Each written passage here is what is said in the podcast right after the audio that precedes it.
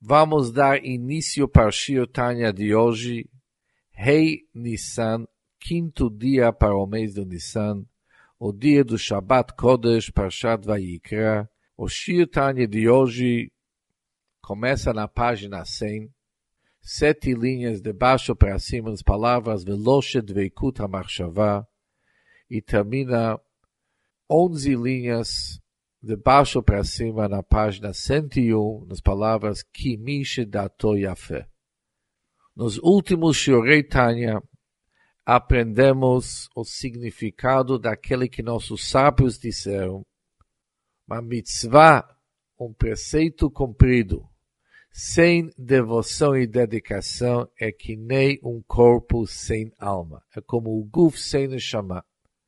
Aprendemos que tanto o guf como o neshama, tanto o corpo como a alma, quando se encontram em nosso mundo, eles são derivados, eles recebem do klipat noga, daquele klipat intermediário, que isso aqui significa hester panim, ocultamento e afastamento do semblante da Hashem, do pnimiú, do íntimo da Hashem. Mas mesmo assim, há uma grande diferença entre Nefesh e Guf. O Nefesh, alma, recebe da Hashem de uma maneira ampla, de uma maneira de Hitpashtut. E o corpo recebe de uma maneira do Tzimtzum diminuído. Assim também, a quantidade e a qualidade, se nós podemos dizer, do Hará, da iluminação do Hashem, que se estende para nós, através do cumprimento das mitzvot. Quando é feito uma mitzvah bemassé, através de um ato, ou um dibur, até num pronunciamento, quando não está sendo acompanhados com kavaná, com devoção e dedicação, a quantidade que se recebe do Ha'arav Amshachad, da extensão da luz da Hashem, é mesmo como o corpo recebe, totalmente diminuído. Diferente é quando aquele ato está sendo acompanhado com kavaná, com intenção, devoção e dedicação. Ela recebe que nem uma alma, ela está ligado como razão, como vontade da Hashem, de uma maneira ampla, de uma maneira grande, de uma maneira chamada Hitpashtut. Por isso, apesar que tanto um como outro, eles recebem através do Hester Panim no nosso mundo, há uma diferença no Tzimtzum e Hitpashtut. E quando isso se refere aos mitzvot, o conceito de Tzimtzum e Hitpashtut é usado para demonstrar que um está ligado com Deus de uma maneira é, totalmente revelado e na outra revelação não é tão evidente. Agora, para continuar o raciocínio, vamos estudar no Shirtanya de hoje. ולא שדבקות המחשבה ושכל האדם בו יתברך. Jamais que nós podemos dizer ou pensar coligação do pensamento e intelecto do ser humano com Hashem é mitzadatzma por si só, pelo próprio mérito. Ela transcende a ligação com Hashem, feito através da ligação que se consegue através do Kiyuma Mitzvot Masiyot Bepol Mamash através do cumprimento dos mitzvot, através de um ato. Ou seja, nós sabemos que ao Dveikut, a ligação com Hashem, que um Yehudi consegue através de cumprir uma mitzvah bemassa, através de um ato, é uma ligação, uma Dveikut muito elevado. Sobre ela falamos Kidshanu bemitzvotav. Deus nos santificou, Deus nos consagrou com seus mitzvot. Da mesma maneira, quando falamos Kiddushin, no casamento, quando se fala Harei At Mekudeshet, quando o marido fala para seu esposo, você está consagrado a mim.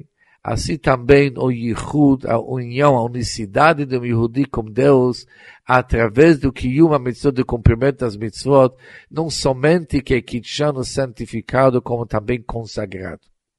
Mas esse tipo de yichud, esse tipo de unicidade com Hashem, jamais que isso vem pelas próprias forças, pelo próprio esforço do ser humano. Jamais que um ser humano ele tem sua capacidade de atingir e ou alcançar uma ligação tão íntimo e tão singular como Hashem. Aqui existe uma tzedakah, uma bondade da Hashem, uma caridade da Hashem, shetzivanu, vetzivanu, que nós ordenou para cumprir mitzvot. Nos ordenou significa, elas não deu a força, nos proporcionou a força para poder se unir e se ligar com ele através do mitzvah. E por isso, obviamente, o dveikut, a ligação que nós conseguimos com Hashem através do marchavá do nosso pensamento e ser, ligado com a kavaná do mitzvot, com a intenção e dedicação dos mitzvot, jamais que ela pode ter uma superioridade sobre o dveikut, sobre a ligação que nós conseguimos com Hashem através de uma mitzvah. Sendo que quem está fornecendo a força de se ligar com Hashem é o próprio Hashem. Por isso, Aqui não está se tratando, diz o Balatani, no Etzem Hadveikut, sobre o conceito de se ligar ou se unir com Hashem. Se unir com Hashem, isso depende de Hashem. E Hashem que está dando as diretrizes, e Hashem que decide que através de uma mitzvah bemassé, através de um ato, se liga com ele de tal forma que nós somos santificados e também consagrados. A diferença que existe, que estamos estudando em nosso capítulo, é no Ha'arat Ratzon Ha'elyon, na iluminação da vontade superior.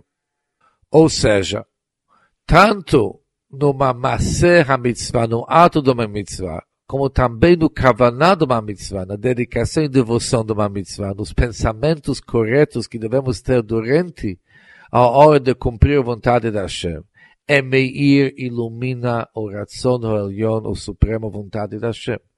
Somente que numa kavaná, no nível do kavaná, no pensamento, devoção e dedicação, Emeir ilumina mais do ratzon Elion, um nível superior do que ele ilumina somente no kiyuma mitzvot, no cumprimento dos mitzvot. Ou seja, em termos do dveikut, jamais que existe uma diferença mas no ha'ara do Ratzon Elyon, na quantidade e qualidade de iluminação da suprema vontade da Hashem, há uma diferença que no Kavaná, no dedicação da mitzvah, no pensamento correto da mitzvah, ilumina mais o Ratzon Elyon. Ela, somente mipnei shezeu gam que Ratzono yitbarech foi também a vontade da Hashem ledavká para se ligar, para se unir com Deus. Besechlo machshavá, bekavanat mitzvot masiot, também no sechlo, também com nosso intelecto, também com nosso pensamento, também nos pensamentos e dedicação que nós devemos ter para mitzvot masiot, no mitzvot práticas feitas com ação. O bekavanat kriyat shema, no pensamento que nós devemos ter na hora da leitura do shema, na hora da reza ou Shar Brachot. Por isso, nos Kavanot também ilumina uma ha'ara, uma iluminação, uma irradiação do vontade da Hashem do Ratzon Elion. Ha'arat Ratzon Elion Azeh. E a iluminação do Ratzon de Hashem, Hameirá, um Lubesh, Bekavan que se veste e ilumina durante a hora deste pensamento, Higdolá transcende muito mais, mala mala, muito acima do Ha'ara, do irradiação, da iluminação do Ratzon do Elion, que se veste e ilumina do que uma mitzvah do próprio mitzvah, quando ele faz o mitzvah, bemase ubedibur beli kavaná, quando ele faz uma mitzvah com ato, ou em seu pronunciamento, sem o kavaná, sem o pensamento. Ou seja, há uma superioridade do Ha'arat HaRatzon, iluminação do Ratzon da Hashem, no Kavaná, no pensamento, a mais como que é no Masé somente no ato. E esta superioridade é comparada, uma forma de uma analogia, que Godel Malat Oran Shama Laguf.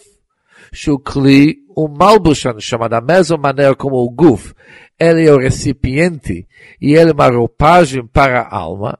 Assim também o Gufa Mitzvah Atzma, o próprio ato da Mitzvah, ele se torna um cli, um recipiente, uma roupagem para o Kavaná, para a intenção da Mitzvah, o pensamento da Mitzvah, de tal forma que dá para comparar o ato da Mitzvah para um corpo e o kavaná, o pensamento da mitzvah para Neshama, de tal forma que nós falamos antes que uma mitzvah sem kavaná, um ato sem intenção, sem pensamento, é como o guf, como o corpo sem alma. apesar que nós já vimos antes, que bemitzvah u bekavanata, tanto no mitzvah, no próprio mitzvah, no ato da mitzvah, como também no kavaná, no pensamento da mitzvah, melubash ratzon echad, se veste o mesmo ratzon, o ratzon único da Hashem, que nós sabemos que pashut, o ratzon da Hashem, é pashut betachlit apshitut, ele de fato é um ratzon pashut, o ratzon pashut, insondável, indivisível, betachlit apshitut, sem poder ser transformado e sem poder ser agregado em detalhes. O miuchad ele está unido במהותו ועצמותו יתברר בתכלית הייחוד, como a essência verdadeira ser da Hashem, como Apesar que tanto no mitzvah, no próprio mitzvah, como também no kavaná, é o mesmo ração, é um ração só, ração da Hashem. Afal piquei, mesmo assim, existe uma diferença, ha'ara eina shaveh bebchinat tzimtzum v'hitpashtut. No conceito do tzimtzum v'hitpashtut, se está amplo ou diminuído. Até quando é revelado a ração da Hashem, tem uma diferença no próprio mitzvah, no ato do mitzvah, comparado com o kavaná, com a intenção, com o pensamento correto durante o cumprimento da mitzvah. Que o próprio mitzvah, ela recebe do ração do Hashem de uma maneira diminuída, betzimtzum. O kavaná do mitzvah, ele está sendo iluminado do ração do Hashem de uma maneira ampla, de maneira de hitpashtut, de maneira revelada. E depois ele diz, numa nota do lado do Taim, o Kmoshe Katuv Be'etz Chaim, como está escrito no Eitz Chaim, no Sefer do Kabbalah do Arizal. Shekavanat HaMitzvot Talmud Torah, os pensamentos corretos durante a hora do cumprimento das mitzvot ou estudo da Torá, Hibe Madrigat Or, se encontra no nível, no grau do luz. E o Gufa Mitzvot, o próprio corpo das mitzvot, os atos da mitzvot, elas são no nível do Kelim. Conforme nós sabemos que nos firot, os atributos da Hashem, eles são compostos de orot e kelim, luzes, iluminações e recipientes, o ato da mitzvah está ligado mais com o recipiente. E o pensamento da mitzvah está ligado com a luz da mitzvah. E quando falamos sobre kelim, eles estão ligados com tzimtzum, com nível de contrações, que vem ali de tzimtzum haor, quando a or se contrai, quando a or se contrai, nithavu ha-kelim foram criados os kelim, os recipientes, conforme conhecidos para Yodei Chen, Chen Chochman, estar as pessoas que se dedicam ao estudo do Kabbalah. Assim também existe uma grande diferença entre o Kavanat HaMitzvot, pensamento, dedicação para os mitzvot, devoção das mitzvot, bem Gufa mitzvot, para o próprio corpo das mitzvot, referente ao conceito chamado Tzimtzum Vihitpashtut. Por isso podemos concluir que da mesma maneira que não dá para comparar a vitalidade que se encontra no Domem Vetsomeach, os minerais e vegetação para os animais e o ser humano, assim também não dá para comparar a iluminação do ração da Hashem quando ele de fato ilumina o corpo da mitzvah, o ato da mitzvah, e quando ilumina o Kavaná Mitzvah, o pensamento, dedicação para a Mitzvah. Assim também, vamos agora ver mais um detalhe. Da mesma maneira como nosso mundo se subdivide nos quatro tipos, Domem, Tzomei, Chaim e Daber, assim também no Nimshal dos Mitzvot e Kavanat Mitzvot, o corpo das mitzvot, os atos das mitzvot, intenções das mitzvot, também existem quatro tipos. E sobre esses quatro tipos vamos estudar agora. ונחלקת, ele se subdivide. גם כי לאהבה מדרגות quatro níveis. que גוף המצוות עצמם, ממש, הם בין מדרגות. Falamos sobre o cumprimento do próprio ato da mitzvah. Existe aqui dois níveis. שהן מצוות מעשיות ממש. verdadeiros mitzvot que são totalmente ligados com mitzvot, o mitzvot hatluyot bedibur umachshava, e mitzvot que de fato eles dependem da nossa fala e pensamento. Por exemplo, Talmud Torah, Kriyat Shema, estudo da Torá, leitura do Shema, Tfilah e Birkat Amazon, que é mina Torá, os outros brachot que são miderabanan. Aqui encontramos mitzvot de um lado, Masé, e do outro lado, Dibur Machshavá, mas tanto um como outro são corpos, porque o próprio mitzvah, o mitzvah, a estrutura da mitzvah, é para ser feito ou através um ato, ou para ser realizado no Dibur Machshavá. Mas existem mitzvot que são chamados kavaná. Existe o pensamento correto de uma mitzvah. E qual que é o pensamento, dedicação e devoção que tanto nós falamos? Kavanata mitzvot ledavka boidbrech. O pensamento correto uma mitzvah é para se ligar com Hashem através do cumprimento da mitzvah. E o pensamento de se ligar com Hashem, ela de fato é Neshama para o Guf, ela se subdivide em dois níveis. Na mesma maneira que Madrigot Neshama, GUF-HACHOMRI, que são no Chai Medaber, os tipos que são seres humanos e seres vivos dos animais, assim também existem os Kavanat Mitzvot, existe também o nível do Chai e existe o nível do Medaber.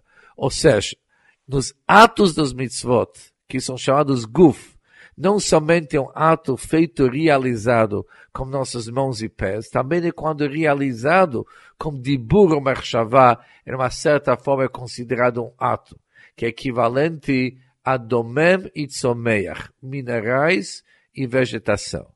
E também nos próprios pensamentos das mitzvot. Quando falamos pensamentos, é o pensamento que nós temos para se ligar e se unir com Hashem através de uma mitzvah.